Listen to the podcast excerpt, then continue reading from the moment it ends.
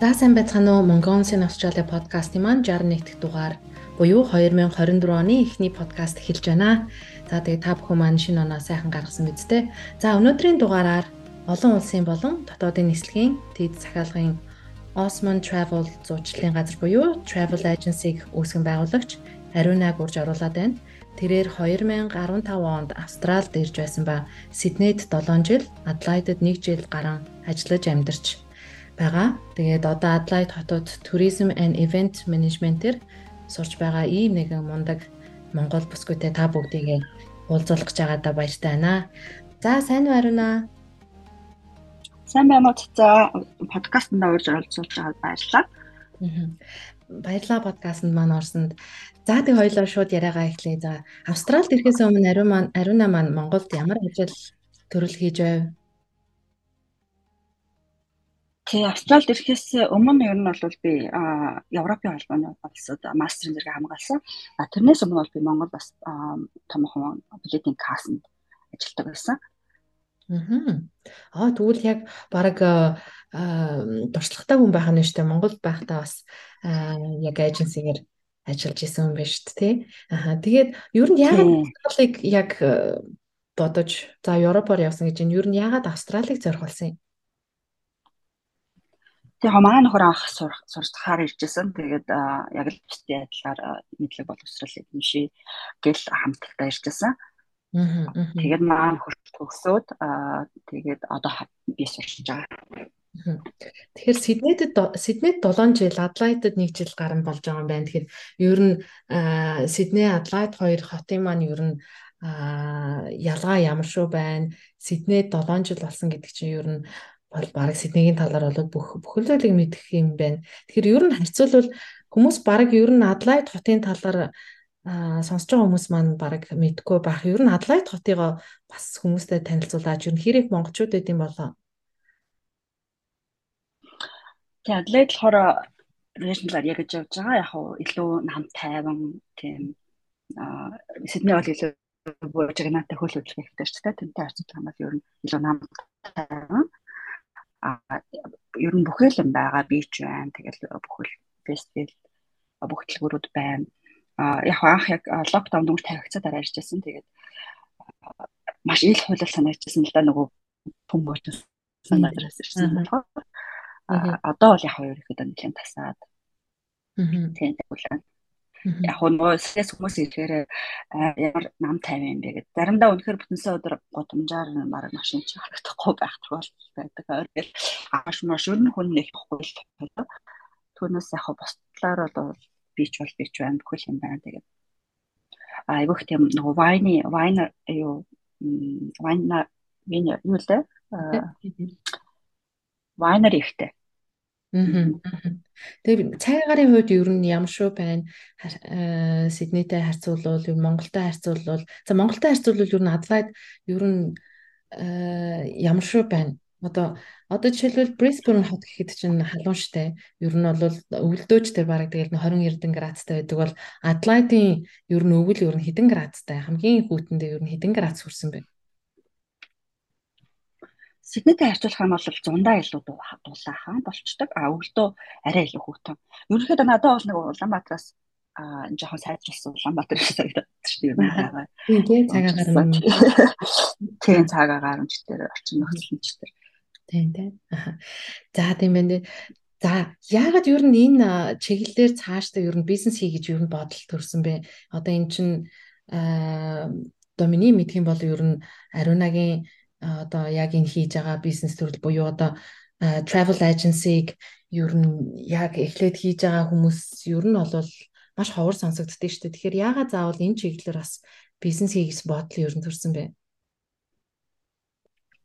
Нэгдүгээрт яг туршлага байсан. Хоёрдугаарт ер нь өөрийнхөө билетийг хүмүүс авсан ч гэсэн нэг юм яг надад нэг юм систем байвал би илүү яг өөртөө тохирсон хамгийн best option гаргаж чадах юм шиг надад бодогддог байсан л та. Тэгээд 2018 онд би Сиднейд travel group компанид ажилд ороод тэгээд ерөөхдөө ажилд орцсон байжсэн чинь та одоо хүмүүс сайн мэдэх бах та тухайн үед айгүй их хүмүүс билет авдаг гэсэн best jet гэдэг airline нэг шинэ дотор дампуурал зарлаад ерөөхдөө алга болчихсон. Тэгээд маш олон хүмүүс хохирсон тухай үед бол тийм болчихсон. Тэгээд Mongolian Sydney бүрөвтөр хүмүүс бас 2 3 ч хүмүүс энэ Desjet гэдэг газар билет авсан чинь билет маань ирсэнгүй. Яалаа яах вэ гэсэн бас пост ороод тэгээд ерөөхдөө би бас за Монгол хүмүүстэй нэгдүгээр одоо энэ билетний талаарх мэдлэг мэдээлэл мэддэгдэхүүн эндээшлүүлэх хэрэгтэй юм байна. Акад ер нь бол би боломжийн одоо илүү олж байгаад хүмүүстэй бас ингээд мэдээлэлээс гадна бас одоо тийм найдвартай билетээр үйлчлэх нь бас чухал юм гэж харсан л да. Тэгээд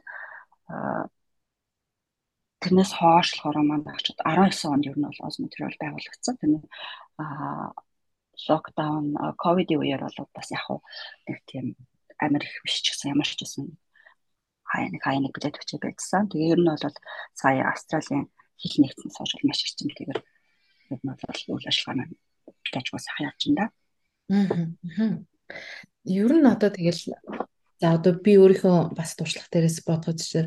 За сая би тэгэд бас нэг нэг сард сая өнгөрсөн нэг сард бас Монгол яваад буцаад ингээ ирэхэд ер нь за хямд тикет тий онгоцны билет хаанаас авах вэ гэсэн л ер нь нэг тийм бүхэл бүхэл хүн тий хямд тикет авчиг л гэсэн нэг тийм бодолтой байдаг ш. Тэгэхээр ер нь Монгол Монгол руу юм уу Монголоос ингээ Австрал руу яаж ер нь хямд очих онгоцны билет авах вэ? Ер нь ямар чиглэлээр явбал илүү хямд байдаг юм бэ? Жишээлбэл миний одоор бол зүгээр миний ингээ бодож байгаа харуулганаар бол Бээжингээр дайруул илүү хямдхан юм шиг Яттаараа дайруул илүү хямдхан тийгээд харагдаад байгаа юм шиг санагдаад Сеулэр юм уу Наритагаар ингээд Японоор дайраад явхаар арай жоохон Бээжингээр дайрж өнгөрөхөөс илүү арай жоохон үнэтэй байгаа юм шиг харагдаад идгийг яг мэрэгжлийн өвний үүднээс яг ямар чиглэлээр явуул хямд байдгийг ер нь хаанаас ер нь Тэ одоо миний хувьд бол би өөрөө аа аппликейшнуд тий ашиглаад тэндээсээ ингээд захиалал аваа явдаг л да.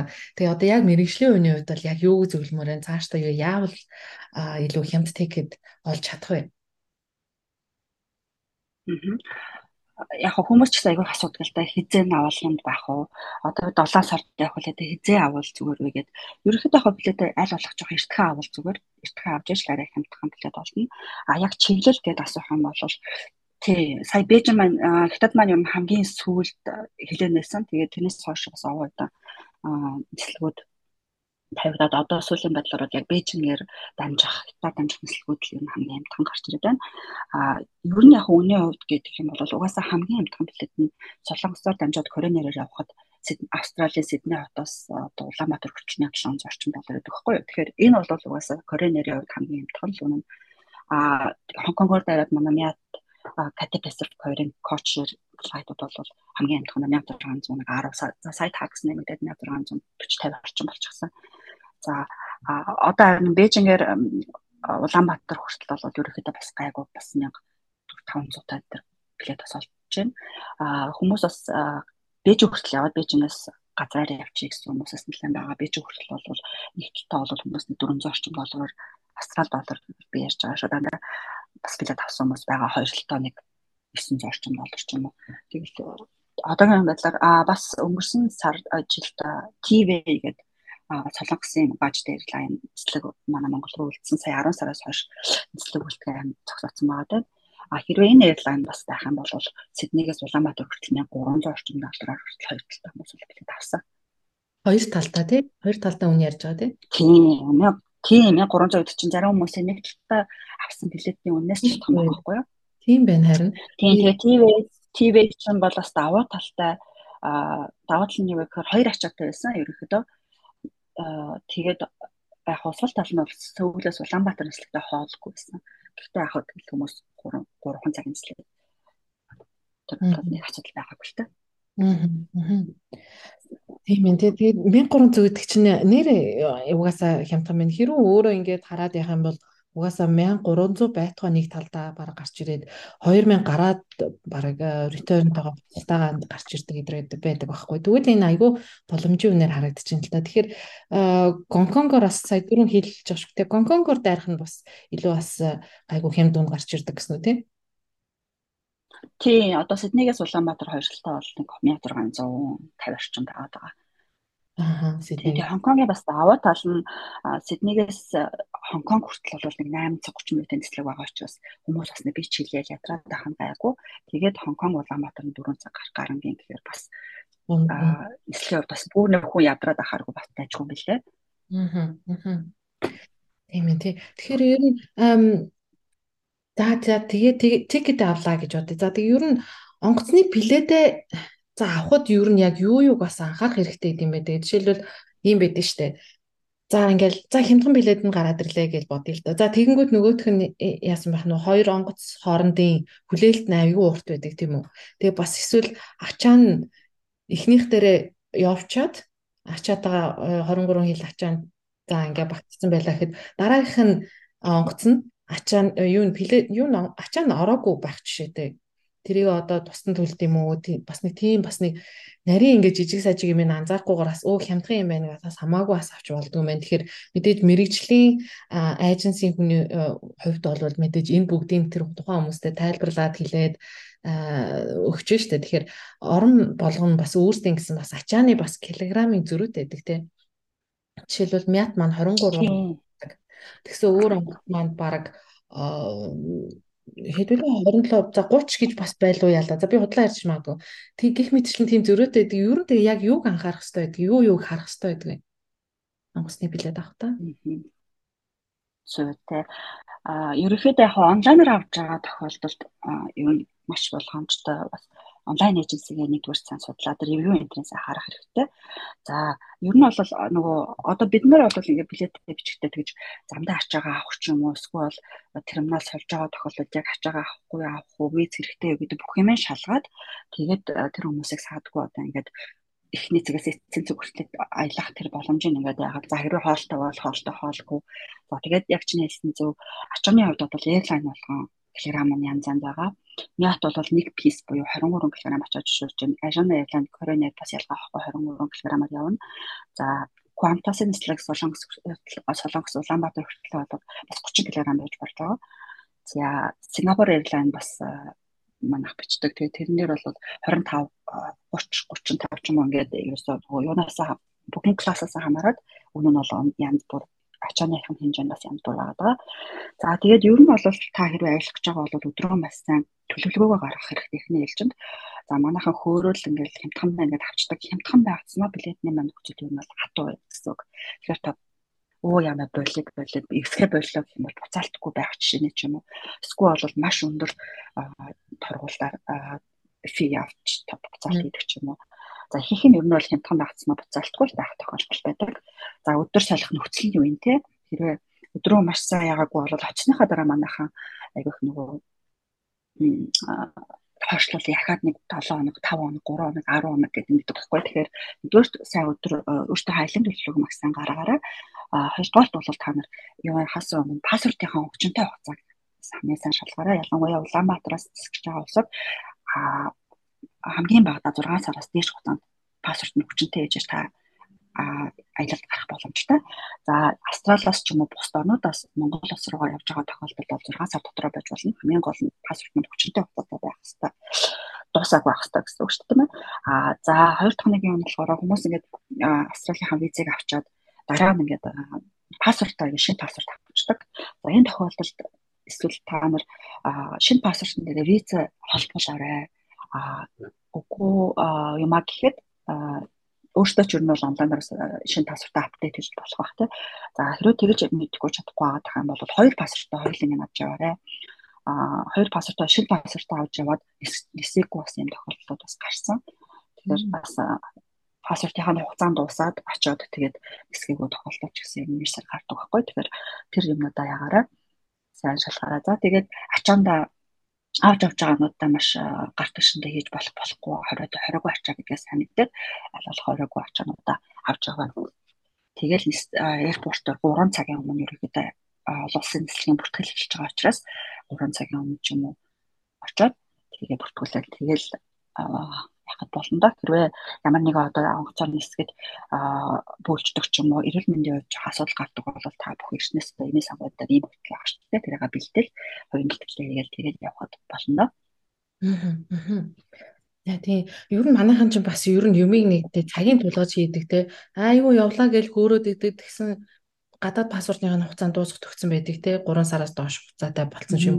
Иймэрхүү юмд бас манайхан анзаарж байгаарай сайн юм аа эртнээс төлөвлөгөөтэйгээр паспортаа та нэг эргээд нэгээд үзээрэй. Үүийг эзэн дуусгах юм болоо гэдгээ сайн хараад хянаад бас үзэж байгаарай. Манайхан ч бас нэг цагийн тулгадсан шүү. Тэ? Тийм. Гэхдээ одоо бас харьцан гайгүй болоод байна. Одоо сая одоо он гараагүй байхад 7 сард наад нүгээр явах билет зөндөө хүмүүсээс асууж байгаа байхгүй яг хизээ авах вэ гэд.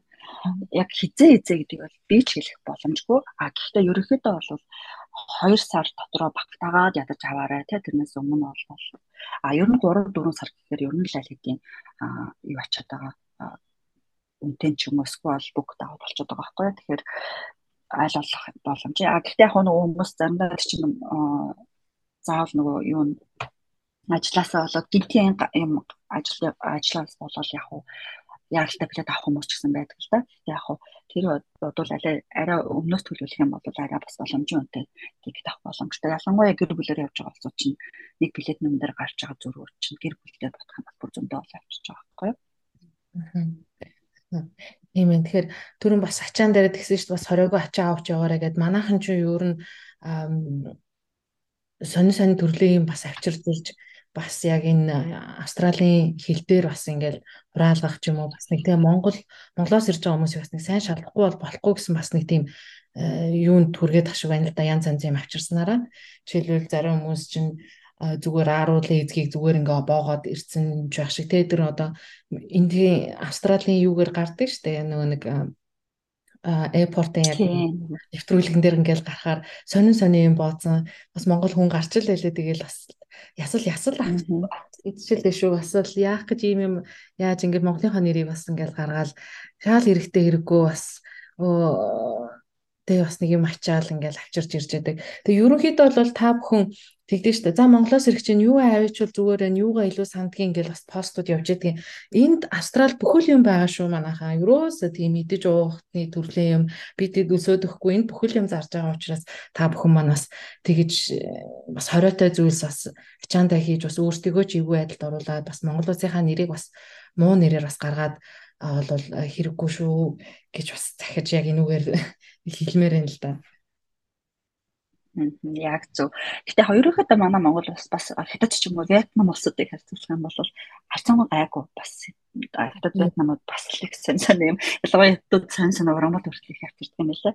Аа тэгээд ер нь бол тийм Австралийн хилийн тэр нэвтрүүлгийг бас үзэх юм бол аа юу сон сони авчирсан хүмүүс зөндөө байгаа. Манай монголчууд ерөнхийдөө бол хамгийн нэгдүгээрт бол танхимын төрлийн юм ер нь бол хоёр 50 шишгийг буюу нэг хоёр хайрцаг гарнаас илүү зөвшөөрөхгүй. Тэгэхээр тэр бол ер нь нэлээд татварын хуулиараа өндөр мөндөр байдаг учраас ер нь дэмий а авчрахгүй л байсан зүгээр тамхитай дөрвөнд бол зөндөл дээ. За борц буюу махан бүтээгдэхүүнүүд байна ерөөхдөө бас дэмий болохгүй. За хям янз янз авчрах гэдэг энд бол ойртол хэмбэлгүүрт манай Монгол зардаг хям хүртэл байгаа шүү дээ. За тэгээд а одоо ерөөхдөө бол тэгвэл юу авчрах юм бэ те? Монголоос бид нар очиж штэ. Юу авчрах бэ гэж магадгүй. Тэгвэл Монголын ерөнхийдөө нөгөө юм яг жинхэнэ үйлдвэрийн сав баглаа бодолтой юмнууд ерөнхийдөө гайгүй. За харвал ч гэсэндээ одоо хон одоо ер нь бол Австралийн хэл бас гайгүй мэддэг болчихсон. Энийг бол манай одоо Google ч юм уу нэтрэ гэдэг хэлээ тайлбарлаад авчирч болно. А гэхдээ ерөнхийдөө бол цав баглаа бодолтой. Яг тэн дээр ингээд мэрэгжлийн яварсан адилхан юм ингээд байсан баг те сүүлд бол бас нөгөө гар хул амны хүчин гарсан гэдэг югаар нэг хүнд 1 кг-аас илүү харуул барьж болохгүй гэсэн шаардлага тавьсан байсан. Аа гэхдээ ер нь бол хайрцангуй харуул маань бас гайг байгаа. За боо борцог болохгүй болно болно нэг төрлийн зөвштэй байхгүй. Аа нөгөө одоо зөв арц арц байдаг өөрлөлөөрөө байдаг бас нутгаараа байдаг тэд нар бас хайрцангуй гайгүй байгаад байгаа ерөнхийдөө харсан ч гэсэн оруулаад байгаа. За хусмад нөгөө самар те манай цөмдөг самрууд бас хүмүүс хацар шатах шиг үү. Яг уу ер нь бол наа чи нөгөө нэг боловсруулагдаг учраас бас ер нь бол шалгаад явал болохгүй. Зарим тохиолдолд хүмүүсээс энэ нөгөө одоо болсон юм уу болоогүй юм уу яасан юм бэ гэж асуугаад хураасан хураалгаагүй шалгасан ер нь оруулсан тохиолдол гэдэг юм жин байгаа л да. Тэгэхээр тухайн бас шалгаж байгаа хүнээсээ бас тухайн хүнийхэн тухайн өдрийн аз хямраас бас болчих шиг гэлээ. Аа. Оо тийм үү би ч одоо тэр нөгөө самрын чинь бас эн чинь яг нөгөө нэг хөдөө аж ахуйн салбарт нь Австралийн тэр салбарт бас хор нөлөөтэй шавж хорхоо бас өөр нь байх магадлалтай гэж үзээд айгүй чанга хориот байд юм байх гэсэн бас нэр Ариунагийн маань хэлдгээр бас бас л яг тухайн хүнээс шалтгаалдаг юм байна л да. Тийм. Тэг яг нөгөө энэ маань одоо болцсон яатсан одоо юу гэж хэлэх гэсэн. Тэгвэл бас гай байгаа байхгүй юу? Сая сүүл бас нэг хүн юм шагаа тий. Шагаа бол ингээд би энэ юу юм бэ гэдгсэн чинь хоньны лан банк гэсэн гэлөө юу гэх ямар ч хэлсэн хоньны шагаа гэж хэлсэн байсан. Тэгээ нөгөөх нь хураагдсан байгаа байхгүй юу? Хэрвээ нэг энэ сүмнэр юмаа гэх юм бол зүгээр л оруулчих жишээ нэ байх. Тэгэхээр ер нь бол маш хил дээр ямар нэгэн байдлаар шалгах юм бол маш тайван байгаа л уучлаар энийг би мэдсэн. Одоо одоо энэ хөлийн орох хуц гэдэг онлайнаар хайвалцсан байгаа манай пэйж дээр ч гэсэн байгаа. Тэн дээрээс харж байгаа л ийм юм юм байгаа юу гэсэн байвал энэ чинь бол хориотой л гэсэн үг. Тэгэхээр тэрийг ер нь бол авчрахгүй ч юм уу эсвэл бол тал байх хэрэгтэй гэсэн байхгүй. Ядаж нөгөө тайлбарлах малын гаралтай байгаа юу гэвэл шагаа маань малын гаралтай болчих байгаа байхгүй. Гэхдээ энэ маань сүгнэр юм аа тоглоом юм аа гэх юм бол ямар тэрийг идэж явах гэдэг бас гайгүй яах магадaltaй гэсэн. Аа. Ер нь тийм манайхан чинь бас ингээл монголчуудын группүүдээр харж ахт тамхи зарна, арх зарна, арт зарна, зөв арт зарна гэл ингээл постууд өстой маш их явдаг. Тэгээ манайхан ер нь тэгээ ингээ хүмүүс чинь ингээ бүр ингээд пачк пачкаар нь тамхиг авчирдаг. Тэрнээс сая битээр ярихдаа 50 ширхэг буюу хоёр хайрцаг тамхи шүү. Нэгэндээ 20 ширхэг байдаг. Тийм хоёр хайрцаг тамхи яриад байгаа болохоос биш пачк хоёр пачк гэдэг буюу нөгөө 20 ширхгээр байдгаар нь битээр юу яриаггүй шүү. Хоёрхан ширхэг хайрцаг нэг хүнд зөвшөөрөлтөй байдгийн шүү. Тэгэхээр манайхан яаж яг уу азтай л тэр хүмүүс маань авчираад л зараад байгаа болохоос биш ер нь бол яг ачаа шалгагдах тохиолдолд тухайн хүн торгуулад, хураалгаад, торгуулад тэгээд гардаг ба шүү дээ. Тий, нэг залуу болохоор яг хоо декларацийн дээр тамхи байгаа юу гэх юм байгаа гэдээ болсон. Шалгаад энийгээ хураалах уу эсвэл бол тэдэнд олон торгуулт байвал авч явах уу гэж асууж байгаа. Тэгээд нөгөө залуу маань бодож үзээд за хураалгасан дээр юм байна. Хураалгаж байгаа байхгүй юу? Аа тэгэхээр тэр бол нөгөө юун дээрээ декларацийн дээрээ бөглөсөн учраас аа юуныг бол торгохгүй. Хэрвээ декларацийн дээрээ огт байхгүй гэж биччихээд аа шалгаад гаргадаад ирэх юм бол тэр бол том асуудал байна гэсэн. Тэгээд тавуулгын дээр хаалгаад торгуулаа. Тийм тэгээд ургаалаад торгуулна. Тэд нар бол тийм хүмүүстэй бол бүр нэлээ аа одоо дургу харьцсан гэсэн үг. Тийм ба. Аа тийм тэгээ сая дээр нэг арх гэжээ. Арх бол ер нь бол болно. Аа 2 литр 300 лөө 2 литр 250 лөө тийм мл шингэн юм болж зөвшөөрөгддөг байхгүй. Тэгэхээр айрыг бас манай 8 дот зартай юм шиг л шүү дээ. Тэгэхээр шингэн юм бол 2 литр 250 мл-ээс доош илүү гарсан байгаа юу гэж асуудаг байхгүй. Тэгэхээр тэрэн дотор бол нэг нэг шил арх ч юм уу нэг тийм нэг хоёр шил арх байж болно. Тийм. А гар тэшиндээ авч явах шингэн эмний хэмжээ бол заалттай 100 мл-с дээш байж болдоггүй. За шингэн эм гэхээр юу ордог вэ гэхээр та нөгөө үнэртэй ус тий. Аа тэгээ дээрэс нь одоо шампунь хүртэл орчдог байхгүй гоо сайхны юм шингээнүүд хүртэл орчдог. Тэгэхээр тэднэрийг гар тэшиндээ авч хамбал хураалгана. Тэгэхээр та гадагшаага явж байгаа гэж хамгийн үнэтэй цатаа гоё юм авч явж байгаа учраас тэрийг бас хил дээр хураалгах үе тий тийм одоо 100 мл-с дээш гоо сайхны болон одоо савн шампунь юу гэдгийг тийм шингэвтер төрөл юм да дандаа ачаандаа хийх хэрэгтэй. Аа. Ингээ яа тэгээд одоо ингээд хоёлаасаа Монголоос Австрал руу ирэх талаар ярьлаа. Тэгвэл Австралаас Монгол руу явж байгаа хүмүүс юу авч явдаг вэ гэхээр эндээс мөлт витамин буюу витамин витаминууд За тэгээ бас нэг би нэг тийм да энэ үнэ юм худлаамаа сайн мэдэхгүй байна. Монголд Австралиас ирж байгаа хүмүүсийн ачаагийн албаар задлж үзээд за тэгэнгүүт нөө битмийн гараад ирэнгүүт нөө эн чинь ийм э, хитэрсэн тоотой байна да да да гэж агаад манай Монголд хурааж аваад тэгээд өөртөө баг тэр хурааж авсан хүмүүс нь бизнес хийгээ зараад байдаг мэдэг гэсэн нэг тийм нэг юм яриа бас ингээл яваал байна л да. Ер нь тэр ер нь хэр үнний ортой бол тэрний талаар мэдчихэж байгаа болов Ер нь бол яг мэдхгүй тэгж үнэн гэж би бол батхгүй байна л да. Сая бид бас 6 сард Монгол явсан. Тэгээд нааша ирэхэд бол Монголоос буцаж ирсэн ямар ч юм хум шалгаагүй.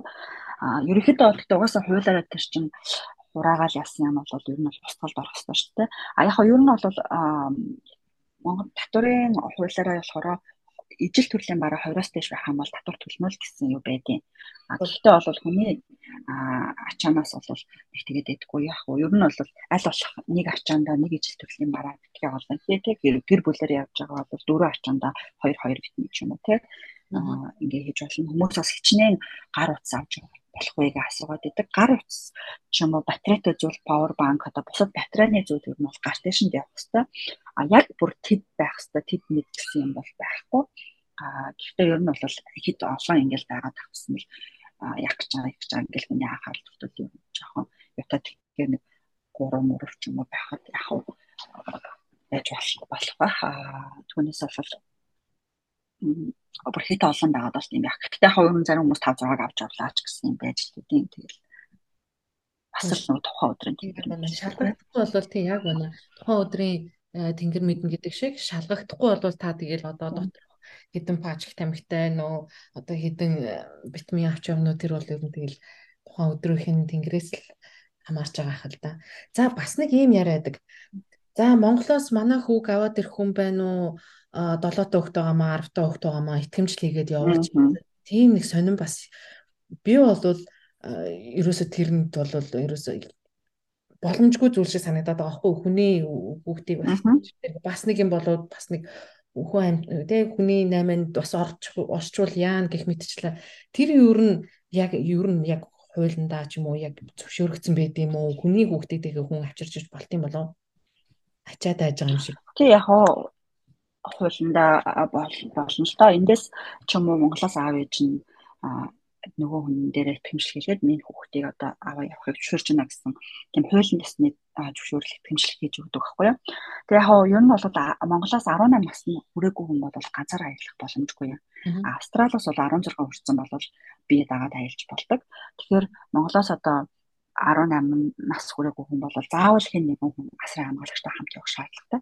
Тэгээ ээж аав нь ч хоёулаа энд байдаг ч юм уу те. Тэр тохиолдолд бол хүмүүс өөртөө эндээс очиж авч чадахгүй боломжгүй байгаа бол ялцчгүй найз нөхд таныг мэддэг хүн за бүр тийм хүн байхгүй бол ингээд пост оруулаад хүн хайж байгаа гэсэн үг байхгүй юу. Тэгээд ер нь бол яг болно тэр хоёр хүн маань. Гэхдээ яг хийхдээ хүмүүс өөр дээр итгэвчлэг хийлгээд айлын хүүхд ялангуяа бага насны хүүхд авч явах дургүй байдیں۔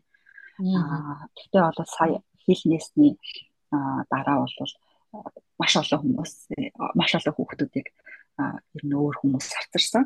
Тэгээд авч аав ярьсан уулзуулсан. Тийм. Тэгээ яг бүр тухайн үед чинь бүр тогтсон хайш манш гараад тэдэс тэд нас бол тийм юм биш янз бүр юугаар тийм болсон. Тийм. Тэгэхээр бол ер нь бол яг хууль ёсны дагуу тийм байж болно. Гэхдээ ер нь бол нөгөө одоо манайхаас ч зөндөө өвөө эмээнэр билет авдаг. Өвөө эмээнэр нэг өвөө байна ингээд хамт дагуулаа яваачих гэхээр нөгөө тэмчлэг энэ төр гэсэн ямар нэг юм байхгүй учраас өвөө тгий тгий хамаагүй аваа явчих гэдэг манайхан бүгд л айгууд урайлахын дуртай хүүхэд байна ингээд итгэмжлэг хийлгээд яваач гэхээр нөгөө итгэмжлэг хийлгээд ингээд за яа хийлмэл дээр байгаа асуудал асуудалтай даачаанд нь юу ийсэн ч хүмүүс мэдгүй шүү дээ. Тэгэхээр одоо бас ингээд энэ хүүхэд ингэчих юм бол бас ингээд давхар хариуцлага болох юм да гэдэг үгнээс хүмүүс жоохон дурамжхан байгаад тохиолддог. Тийм тийм. Яг үнэхээр үнэхээр өстэй гарцаагүй байдалд бол яг иймэрхүү байдлаар яаж болох юм. Тэгээд итгэмжлээ бас тэгээд яг хаанаас гаргаж авдаг болов? Яг за ингээ явуулъя гэдэг итгэмжлийг ер нь аль ямар газраас тэгж итгэмжлээ авах юм бол?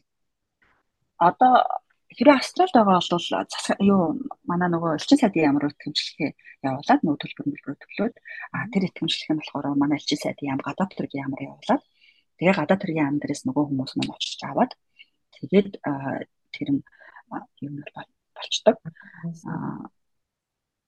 Тийм. Тэр элчин сайдын ямраа явуулахдаа хоёр пассворд тэгэл өрөөдөл гэх тэр юмнууд нь байх хэрэгтэй гэж байна. Байх ёстой. Аа. Аа. За тийм байна.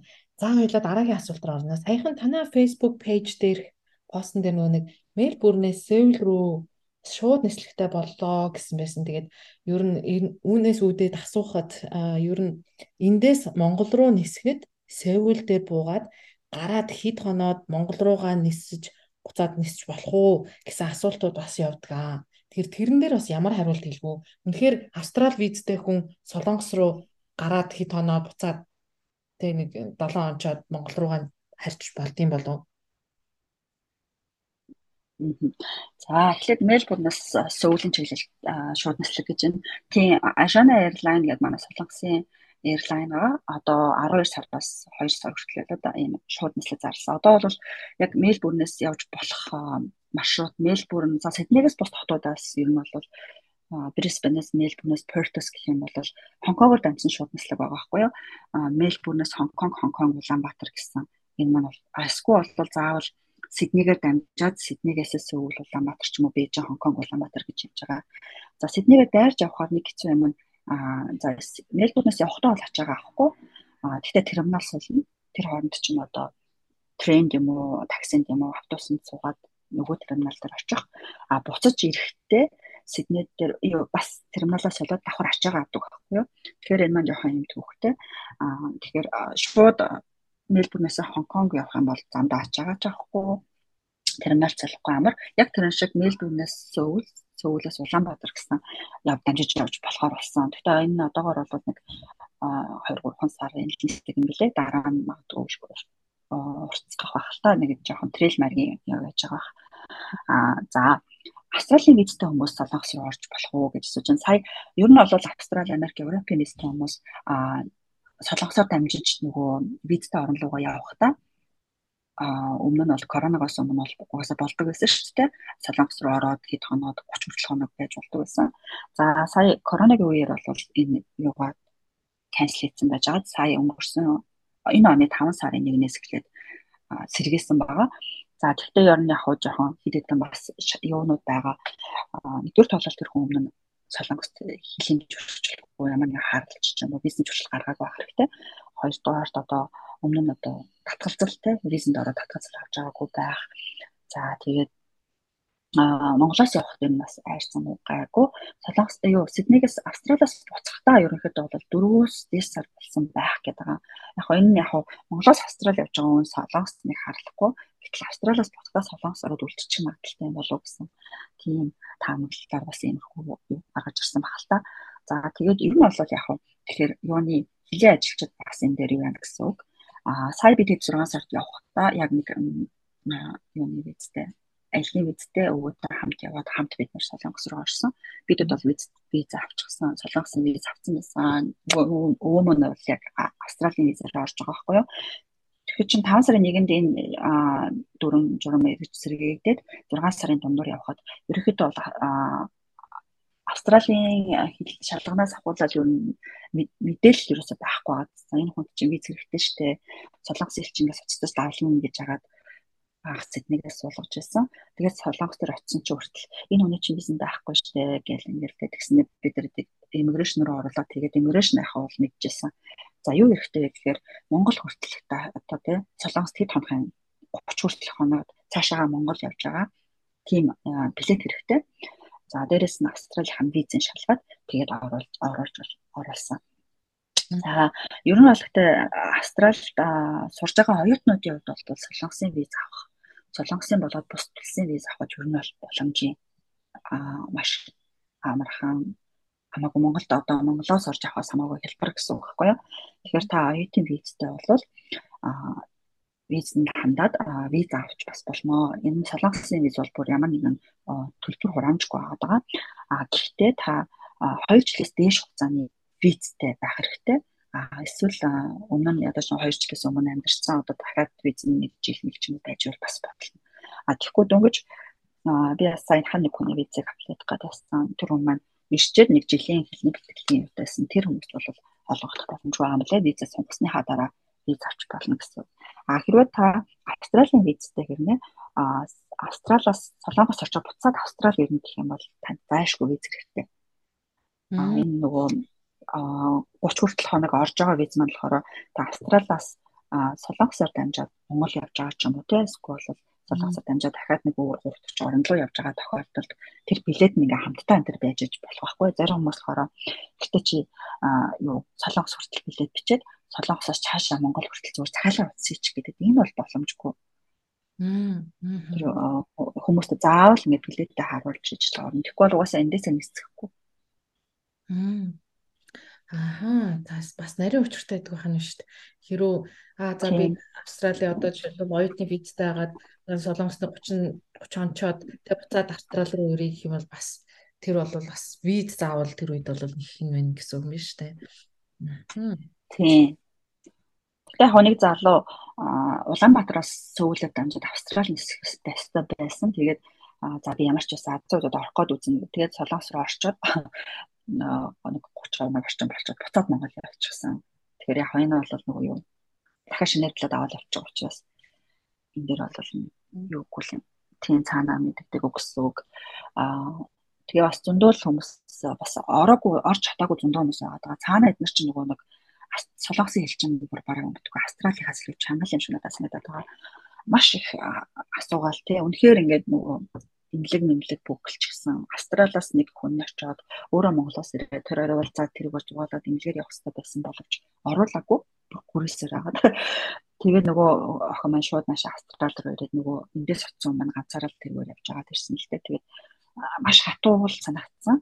Аа бас нэг залуу эндээс явахдаа өмнө нь яг солонгост явж байхдаа аа бизнес зуршил гаргаагүй гэхдээ нэг жоохон зуршил гаргасан юм шиг байна. Тэгээд бөөнгөт нь цагтаа гэхээр аваа явчихсан.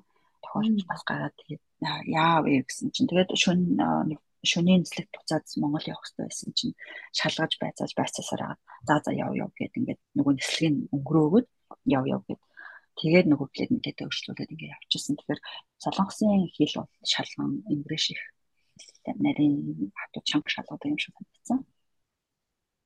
Тийм да. Ер нь манай монголчууд их байдаг шүү дээ. Болоож тэр юм уу ер нь шалгаараа гэсэн бас хатуу дүрмтэй байдаг да. Тийм та тэгээд солонгос руу хэрвээ Австрали хамт зорих гэж бодож байгаа бол хамгийн түрүүнд одоо нөгөө очиод байх байрлал те тэнд хэрвээ таньдаг мэддэг хүмүүс чинь яг хуулиасны дагуу амьдардаг бол тэр хүмүүсийн хаяг утасны дугаар за тэгээ аяллаа төгөлөлгүй тэр чинь тодорхой байх юм бол боломжтой.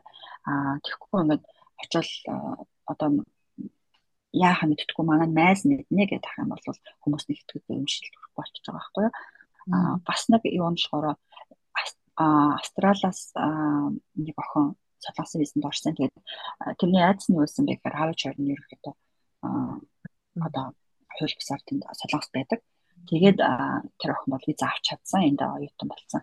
Тэгээд бас яг 18 хүртэл учраас хүн юу хамаагүй байсан нь ямар ч байсан солонгос очиж авч байгаа байсан. Тийм бас кейс байгаа.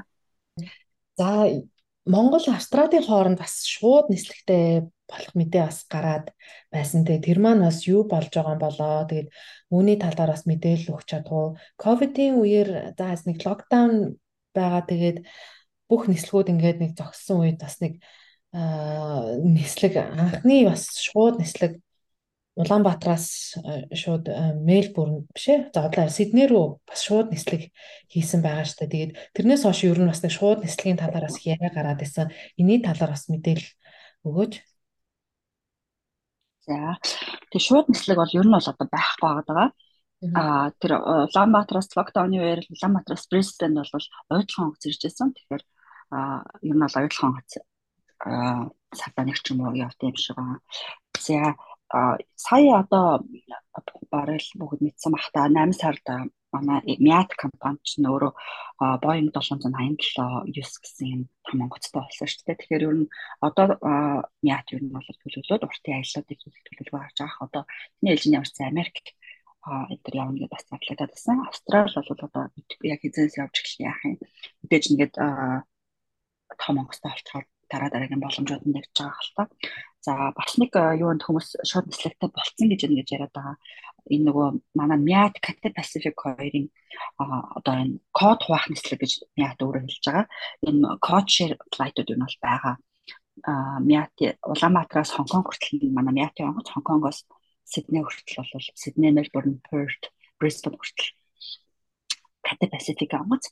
За муу ялгаагүй Улаанбаатараас Хонконгоор дамжууд Америк хүртэл бас юм код хуваагдцлаг гэдэг. За энэ юугаар даваа талтай юм гэхээр ер нь бол плетик Miati Miati-ийн одоо дөрмөр Miati-ийн стокн дээр эсвэл бол Cathay Pacific гэсэн хоёр өөр стокн дээр бичиж болж тикетний дугаар нь хоёр өөр байж болж нэг гэсэн үг байхгүй юу. Тэгээ Miati дээр байх нь хамаагүй уян хатан нөхцөлтэй одоо буцаалтанд харгуулна баг өдөр солих нөхцөл нь ч гэсэн төлбөрний хямдхан гэдэг тийм. Ийм хамаагүй. Тэгээд бас одоо захиалганд оруулахаар дээдлайн хамаагүй урт гарч ирдэг ч юм уу. Ийм ийм даваа талууд байгаа даа.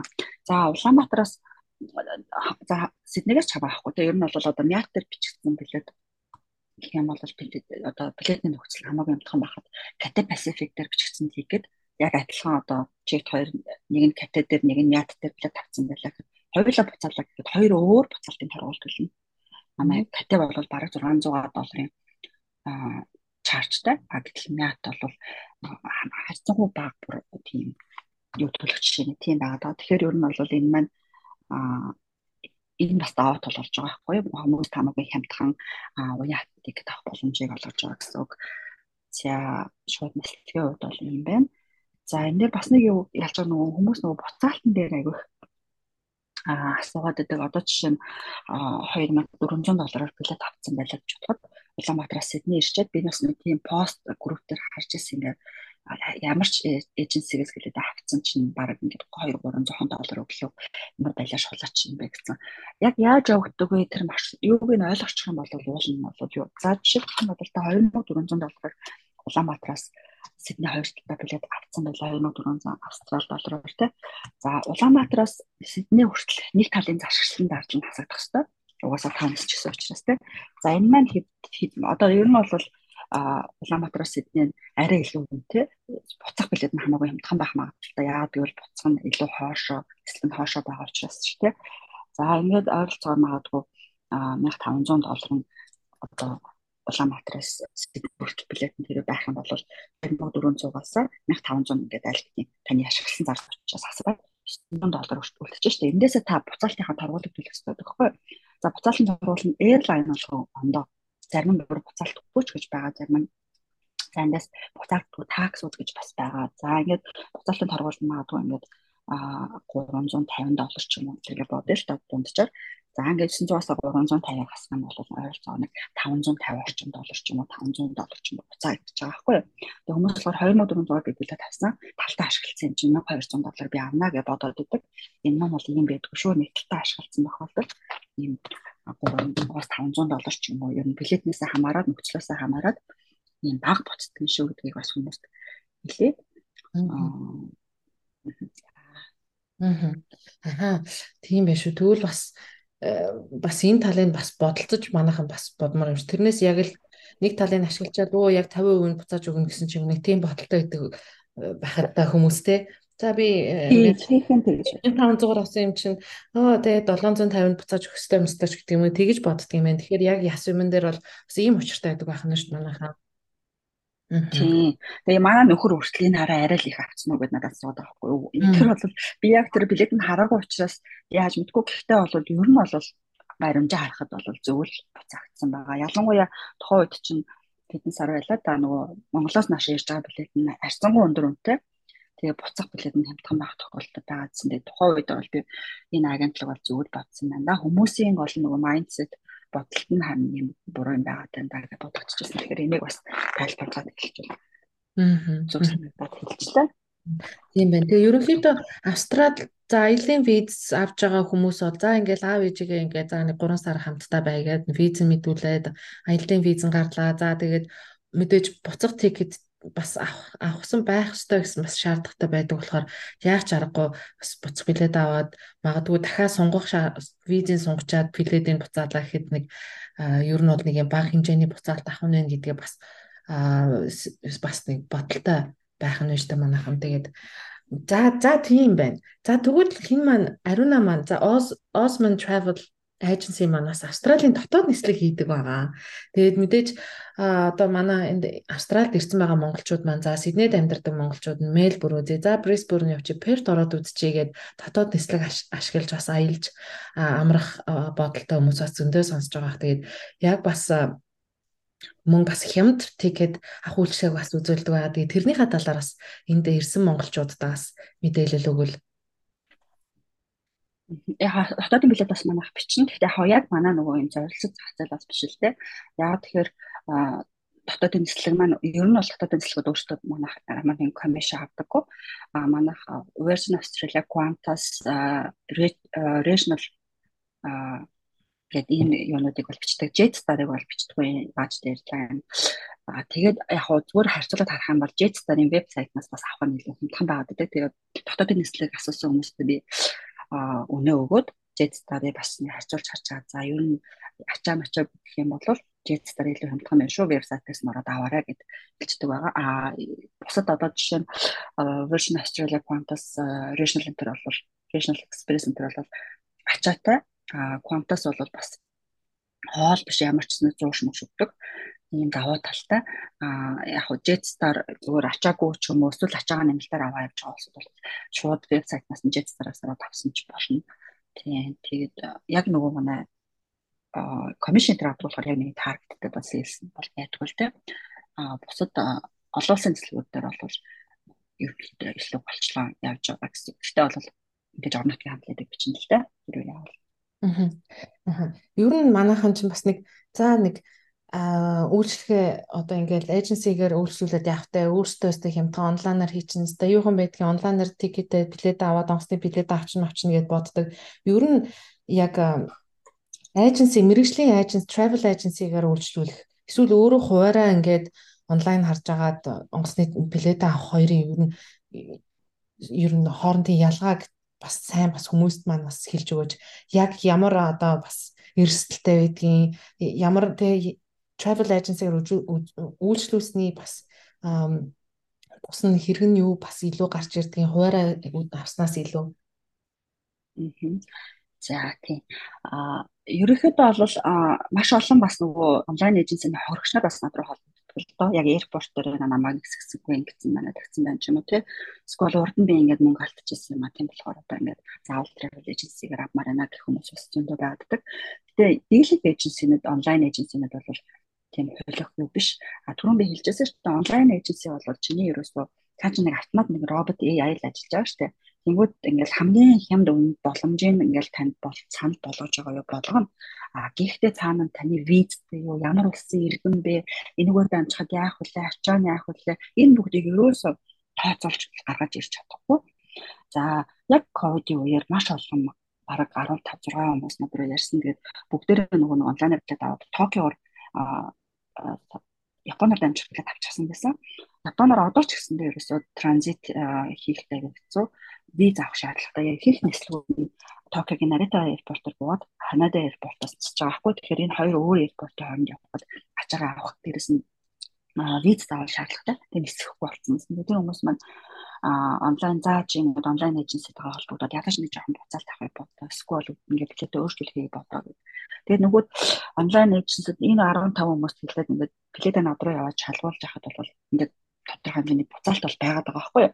Тэгээ нөгөө онлайн эйженсийн заримтай дөрөв огт холбогдож чадахгүй нөгөөдөл чинь өө энэ өөрөөс уцаа чаддгүй маань нэгдгүү маань холбогдох авч боломжгүй маань ревюг нь унсан чи угаасаа би холбогдох боломжгүй байна өө яшиг шиг шиг билет авъя гэдэг. За холбогдсон ганц нэг асуудал болохоор үе 700 доллар чаржлна гинэ одоо тэг яах вэ тэгэл хэлсэн авахаас тийм үү те. Эсвэл бол зарим нь буцаалтгүй гэж хэлсэн гэдэг ингээд яаж байгаа байхгүй юу. Тэгэхээр онлайн одоо яг бодит travel agency-гээс одоо жишээ нь манай улсын travel-аас авах нь ямар давуу талтай юм бэ гэхээр угаасаа л би бас яг л адилхан юм асрал бидний амьдрах ажилд амьдрах ямар хэцүү байдаг л мэддэг болохоор одоо энэ airline-тай холбогдоод те бус өдөр сольт болоод энэ refund-ны хувьд бол санаа зовлтгүйгээр юм бол бүх юм бодоод буцаад бүр анханаас нь таадад одоо буцаалттай шүү буцаалтгүй шүү те. Энэ бүхний бол мэдээлэл өгчнөө а замдаа ачаа авах бол аавна ачаа авах тохиолдолд ерөнхийдөө виз хэрэггүй улсуудад ачаа авна штэ визтэй бол таад ачаагаа авч чадахгүй за их хвшил настай хүмүүс ирдэг учраас бас нөгөө тэд нарт нэг ганцаараа явах тохиолдолд нь вилчер буюу тэрэгцэр захиалаад өгчдөг тэгээд тэрэгцэр даваа тал нь гэхээр онгоцны хоолоон дээр ирэл буцаагаад нисэх гэгдэр нөхөд өгчдөг байхгүй. Энэ маань ямар нэгэн илүү нэмэлт төлбөр байхгүй.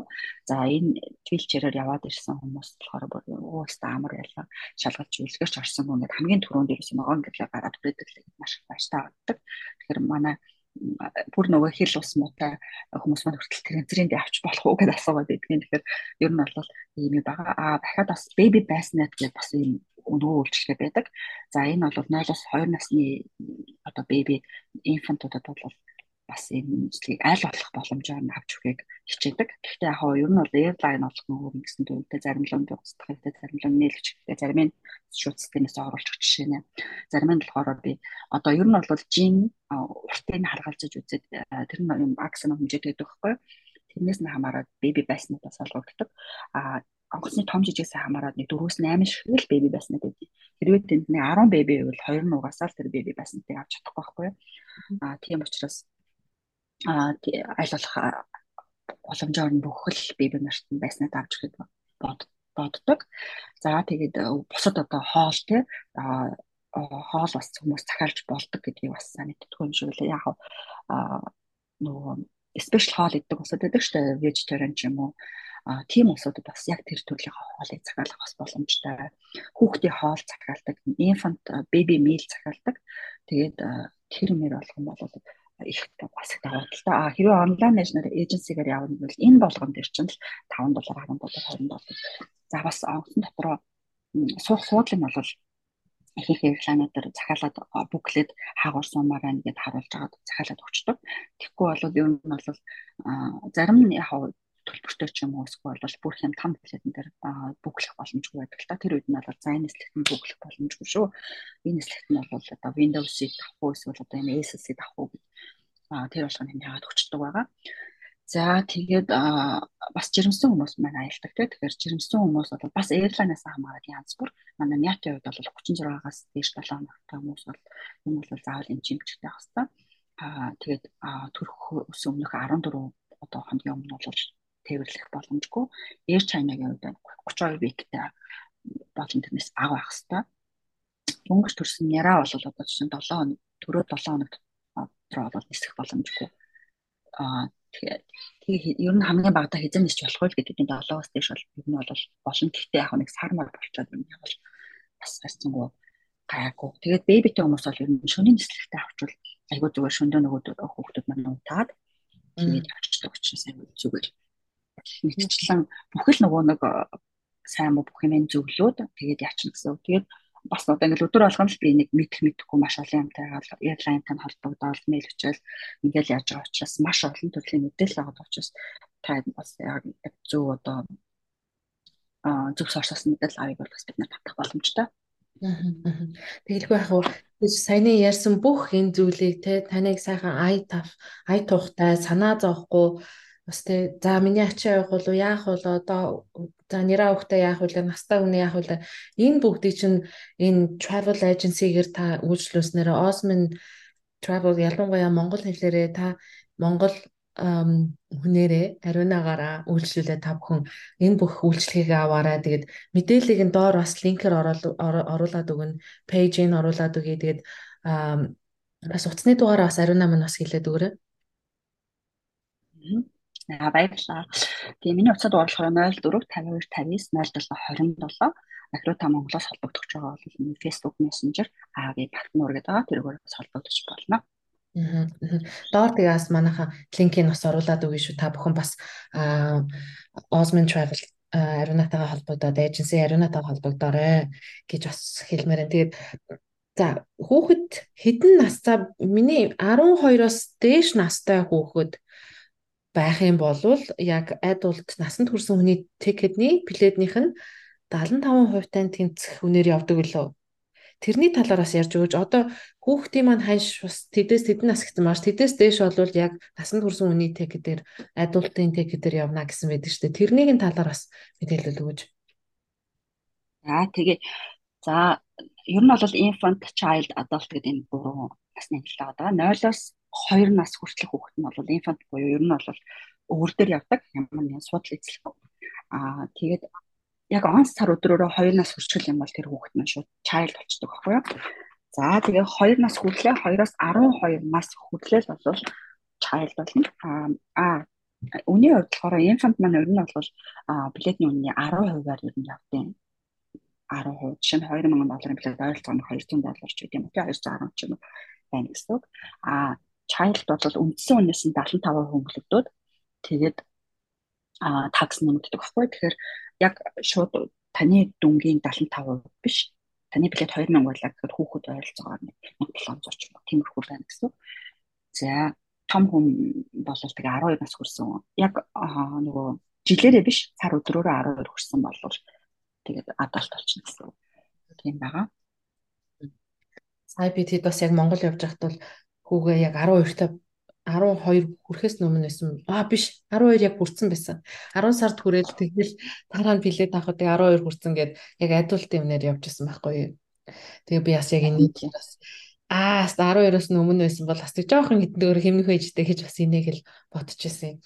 За тийм ээ. Тэгээд цаашдаа Osman Travel маань Австралиас Монгол руу Австралиас Аз руу гэсэн чиглэлсэн бас тийм төр зохион байгуулах бас төлөвлөгөөтэй байгаа гэсэн бас энэ энэ төлөвлөгөөнийхөө талаараас хүмүүстэй ярьж байгаа. Магадгүй манайхан маань энд байж байгаа. За нэг санхаа солонгос ээлжаад ирвэл яа дээ Япон руу төр хийвэл яа дээ гэж бодож байгаа хүмүүс маань бас сонсож байгаа. Тийм одоо ер нь бол судалгаа юуныхаа ажиллаж тал явж байна.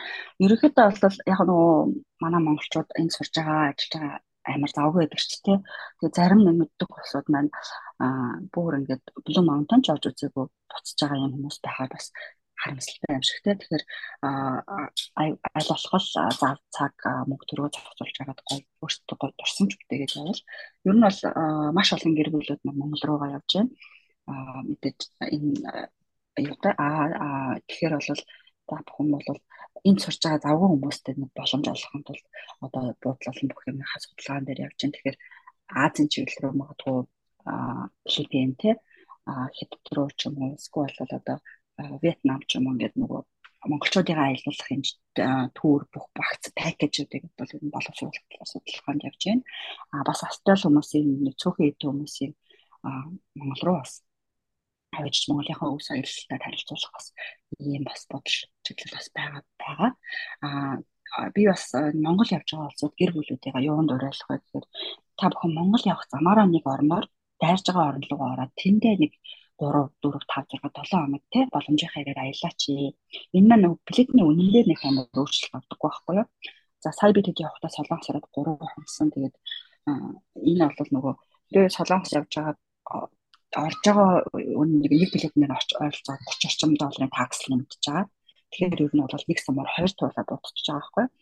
За мэдээж яг очоод буудал хоолоод үзрүүшгэх юм мөнгө нэмэгдэнэ. Гэхдээ зүгээр билет аваад солонгос явснаас хамаагүй юмтхан тусч байгаа учраас тэгвэл бас ер нь бол хожно гэж би хүмүүсийг харж байгаа. Тэгээд одоо визгүй ч орж болж шүү дээ. Хэрвээ та хүсэх юм бол удаан хугацааны визтэй байгаа бол виза аваа явсан ч болно. За Хонконгоор бас хүмүүс насгийн тоноод явах юу гарсан. Тикет ас. Ер нь бол хүмүүс солонгосоор ч юм уу их орж яаж байгаа л да. Хонконг дээр, Бээжин дээр энэ удаад явж байгаа. Тэгэхээр тэр юмнууд бол юу юм бол нэг сумаар туулаа болж байна л гэсэн үг. Тийм юмнууд бас их зүгээр байгаа бас манайх айгүй их Бали руу ер нь айгүй их гоё аялдаг болж байна. Ер нь эсвэл би одоо яг энэ төрлийн ажил хийгээд тэгээд байгаа мó ер нь л айгүй гоё Бали руу тэгэл дотоодын эслэг дотоодын аялал ч гэсэн айгүй хийж जैन тэгэхээр завгүй амьдралынхаа хажуугаар бас гоё дурсамжийг бүтээх энэ боломж бол автахгүй байвал Монголд оцсныхоо дараа ингээд Солонгос руу виз мэдүүлэхэд ч хэцүү, Солонгос явхад ч хэцүү одоо тэгэл тийм учраас энд байгаа бас алтан цагийг бас ашиглаа. Ашиглуулах зүгээр болов уу? Бас бодож байна. Тийм шүү дээ тий. Ер нь ер нь өнөө өнөө ер нь монголчууд маань одоо бол харцангуй тий бас мөнгө цуглуулад Монголд байгаа хүмүүс ч тэр энд байгаа хүмүүс ч тэр ер нь бас аялах юм үзэж нүд тайлах тий бас нэг амралтаа бас нэг сайхан өөр орчинд өнгөрүүлээд өөр оронд очиод өөр соёлыг үзээд ирэхдээ бас тийм хүсэл хүсэлтэй бас тийм үйлдэл чих хийж байгаа хийгдэж байгаа тэр бол үнэн баг шүү ер нь хэлсэн штэ тийм байна. Тэгэхээр ер нь бас цаашдаа бол айгүй гоё юм бас төлөвлөж байгаа юм байна. Бас өөр цаашдын бас өөр зорилго зорилт мөрөөдөл нь маань ямар байгаа лээ? Юу байгаа лээ? Өөр бас том зорилтоо бас хилээж яг уу мэдээж хүн мөрөөдлөө хэлбэл бэлтгэв мэлтгэв гэдгийг. Гэхдээ манай ариуна маань бас том мөрөөдөлтөй явж байгаа. Тийм за ямар ч гэсэн одоо мөрөөдөл гэх? Ямар ч гэсэн офис байгуулахыг хүсэж байгаа. Аа одоо 7 сар төгсөн. Тэгээд одоо хаа чи та бүхэнд илүү ойртохын тулд оффисоо нэгээд тэгээд одоо яг бүтэн цагаараа ингээд энэ ажилдаа фокуслаад тгоо эрхчлээс ер нь тэгээд нэг оз материал гэдэг нэг офис хаана гэдэг байгуулагдах бах та бүхэн тэрээд ирж үүсчихээрэй. За өөр чинь тэгээд аль болох хүмүүстэй нөгөө нэг хямд боломжийн үнэтэй хамгийн гол нь тэгээд дэлгэрэнгүй мэдээлэл өгөх тийм юмнуудыг л яхах гэж байна. А бас нэг зүйл хүмүүс асуугаад идэв нөгөө нэрээ би өөр хүн дээр билетийнхаа билет өөр хүн шилжүүлчих болох уу гэтэргээд ер нь бол одоо энэ авиа компани юм дээр чинь name correction name change гэсэн хоёр ухтган байдаг байхгүй юу? Ер нь бол name change буюу нэр өөрчлөх юм огт боломжгүй аль ч airline өндөр тэн дээрээс буцаалт хийх хийх боломжтой бол буцаалт хийх боломжтой. А түүнээс нэрээ өөрчлөх бол юм боломж байхгүй. Зүгээр сая коронавигийн үеэр айгүйх олон ваучер өгсөн. А тэр ваучерыг бол өөр хүн дээр ашиглах боломжтой гэсэн нөхцлүүд бол байсан. За нэр нь name correction гэдэг нь ямар ч юм бэхээр нэрийг одоо буруу бичсэн заасах гэдэг шүү дээ. Энэ нь бол ерөөхдөө airline болгоны дөрвөн бас ондоо а гурван хүртэл хүсгийг заасан ч юм уу тий. Эсвэл бол зөвхөн одоо first name дээр нь change авч болно. Хүүс тасна ч юм уу. Энэ болгоо ингээд янз янз airline болгоноос хамаарат зарим нь төлбөртэй, зарим нь төлбөргүй. За төлбөрийн хэмжээ ч гэсэн янз янз ийм байгаад байгаа. Тэгээ манайхаа онлайнотыг тавахта аа нөгөө хайхадан зүгээсээ болоод ч юм уу эсвэл бол амнурат ч юм уу бас нэр мэрэ буруу зүрх оруулсан нэрэ буруу оруулсан одоо яах вэ гэдээ ярьж ирсэн усуд бас байгаад байгаа. Тэгэхээр харамсалтай нь тэн дээр бол авсан газар руугаа хандаад хэрвээ нэр чинь үг үсгийн алдаатай бол засвар хийлгэх арга хэмжээ авах а үгүй болол тэгэл одоо өхөө бүр өөр хүн дээр бичигдсэн билет бол буцаахаас өөр арга болно гэсэн. Аа тийм байх. Нэг ч бас бас өстой мэдтгүү зүйлээ шүү. Бас бас болж л байж тээ. Бас хэрвээ үнэхээр нэрнгээсээ тэр онлайн өөрөө хуваараа онлайнаар тикетээ захиалж байгаа сандарч байгаад нэг нэг үсгийн буруу бичээд цааш нь бүр баталгаажуулаад тикетээ бичүүлсэн тохиолдолд бол бас тийм боломж байдаг л юм байна. Нэг үсгээ ингээд өө ингээд тийм үсэг байсан чинь нүгээр андуура биччихлээ гэж бол солиод өгдөг юм байна шүү дээ. Бас мэдмээр юм байна. Тийм үйлчлэг бол байдаг. Солих зүг нь. Тийм нөгөө паспортынхаа хуулбарыг явуулаад ингэнгүүт чинь аа юм байсан ингээ алдаа гарсан юм аа хүүсэн ч юм уу тий гэсэн манайгаа засч боломжтой. Гэхдээ олон нөгөө нэг онлайн эйженситэйгээ холбогдох нь айгүй хүмүүст хэцүү байгаа гэдэг юм шиг байгаа. Нэгдүгээр одоо нөгөө төлөвлөн дэлхийн аль ч оронд байж иж болно. Тэнгүүт одоо холбогдох боломж чаддгүй ч гэдэм юм. Нөгөөдөл нь скол нэг онлайн эм систем тавьчаад өөртөө зүгээр ингээд байж идэх ч юм уу тийм зөвхөн одоо тэгэл ямар нэгэн зөрчилгөөнүүд нь яваал зөрчилгөөнүүд нь яагаад тийм байж идэх ч юм уу. Бас нэг жишээ ярихад нэр өнгөрсөн а 7 сард ер нь яг наадмын үеэр айгүй хүмүүс Монгол явдаг л да яг манай Монголын хай сишн. Тэгээд айгүй олон хүмүүс явцсан байгаад 8 сард манай Мят Улаанбаатараас Хонконг руу нислэг тавигдсан баггүй юу. Тэгээд айгүй олон билет эндээс болохоор сүүлдээ дамжаад буцхан Хонконгоор нааш ирэх билет бичигдсэн байсан чинь нөгөө хүмүүс Монгол хоцсон хойно а Мятийн Хонконгийн нислэг бүгд канселсан. За одоо тэгээд яах вэ гэдэг. За энэ тохиолдолд бол тэгээд манайхаас авсан хүмүүс яг өндөө бол маш их хоцсон. За яасан тэг гэхээр мэдээж би манайх бол одоо хоёр airline руу холбогдоод одоо эн чинь нөгөө Сингапур airline-ы нислэг нь огт цааслагдаагүй байтал ингээд манай яат гэж байгаа байхгүй. Тэгэхээр өдрийг өөрчлөөд нөгөөхөө Хонконг ус нислэгээ солонгос болгоод ингээд ингээд яхад бид нар Сингапур airline-аас авчруулах хэрэгтэй байдаг. Тэгээд Сингапур Airlines шуурл аваад тэгээ Myatt дээр ахаж нөгөө байгаа суудлаа ингэж класс класс нөөшлөөд тэгээд дахиж нөгөө бичлэг хийлгэж авдаг байхгүй юу? Schedule change явуулмаас. За тэгтэл манайхаас аваагүй болсон болохоор тухай нөгөө одоо нислэг канцлсан огт мдээгүй тохиолдол гараад ингээд аэропортоор очиод нөгөө нислэг нь байхгүй болсон тохиолдлууд гарсан байсан. За зарим хүмүүс болохоор энэ Myatt чинь одоо Сингапур Airline ticket байлаа гэхэд энэ энэ Myatt гэдэг авиа компани чинь суудлын юм зөрүүтэй байна. Тийм учраас энэний зөрүү төлөө гэдэг ингээд хоёр хүн байсан. Нэг хүний 780 орчим доллар төлсөн тохиолдол гарсан. Уул нь бол энэ нөгөө нислэг cancel болж байгаа учраас хүний одоо зорчигчийн буруу бичиж учраас энэ авиа компани шууд хариуцлагатай. Гэтэл ингээ хоёр өөр airline байгаа учраас бид нар дээр ингээд гап үүсээд ингээд тэр хүмүүс бол төлөх асуу мөнгөд төлж байгаа байхгүй юу.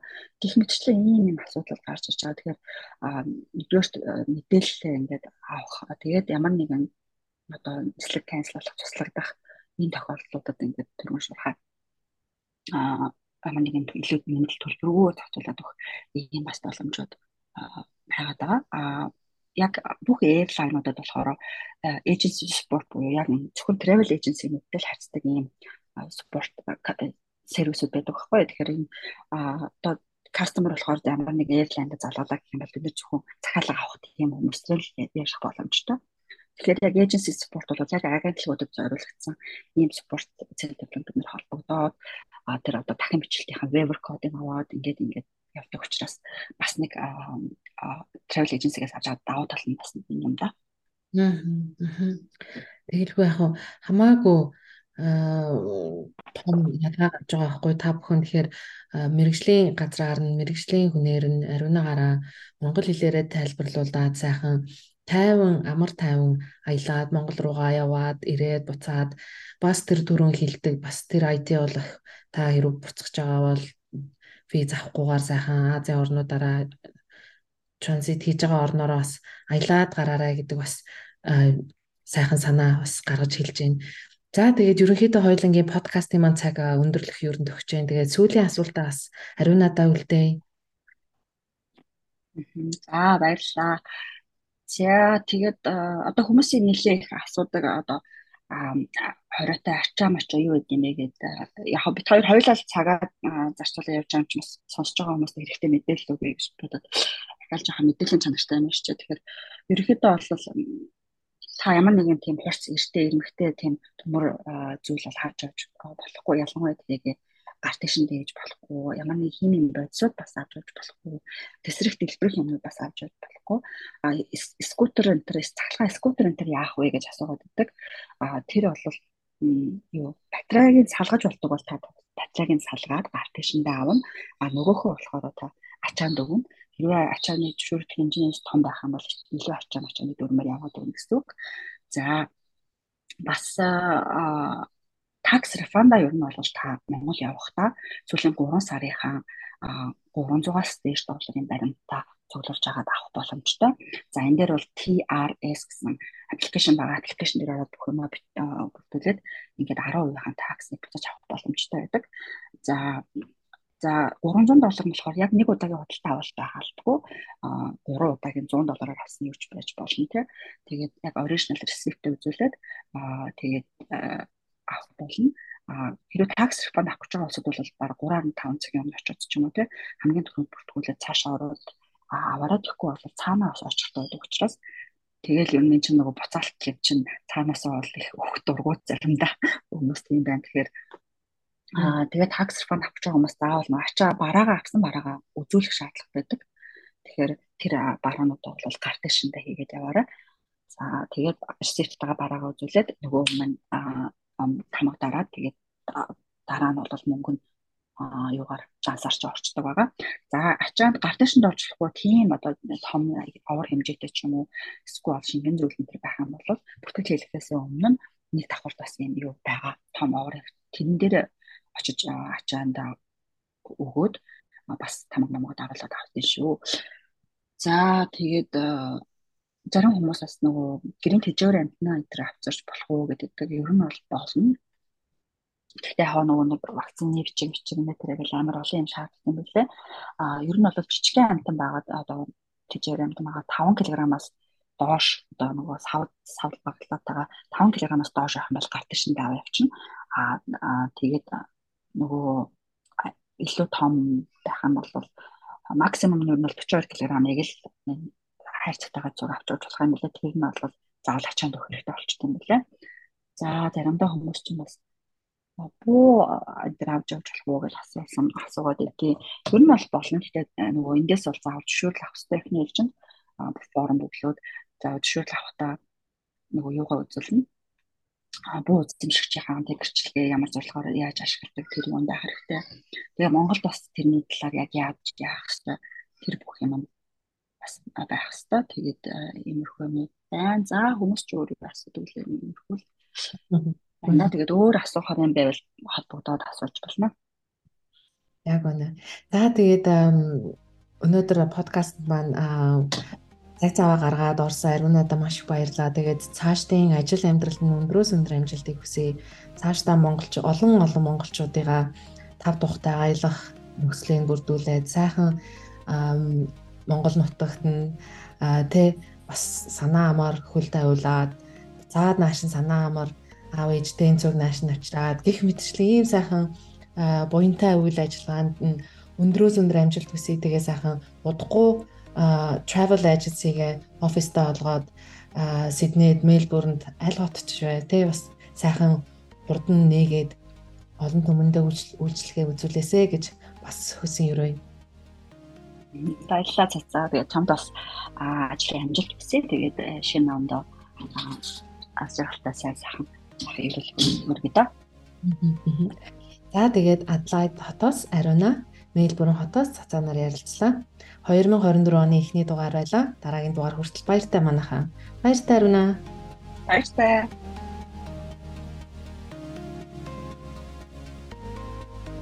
За энэ дугаарыг сонсож байгаа танд маш их баярлалаа. Танд таалагдсан бол YouTube болон Apple Podcast дээрх сувгуудыг маань subscribe хийгээд сонсорой гэж хүсье. Мөн манай подкастуудыг Австрали дахь бүх мужийн монголчуудын Facebook групп дээр давхар шеэрлэгдэж явдаг байгаа. Дахиад хэлье. Subscribe хийхээ мартаарай манайхан. Дараагийн дугаараар уулзъя. Түр баяртай.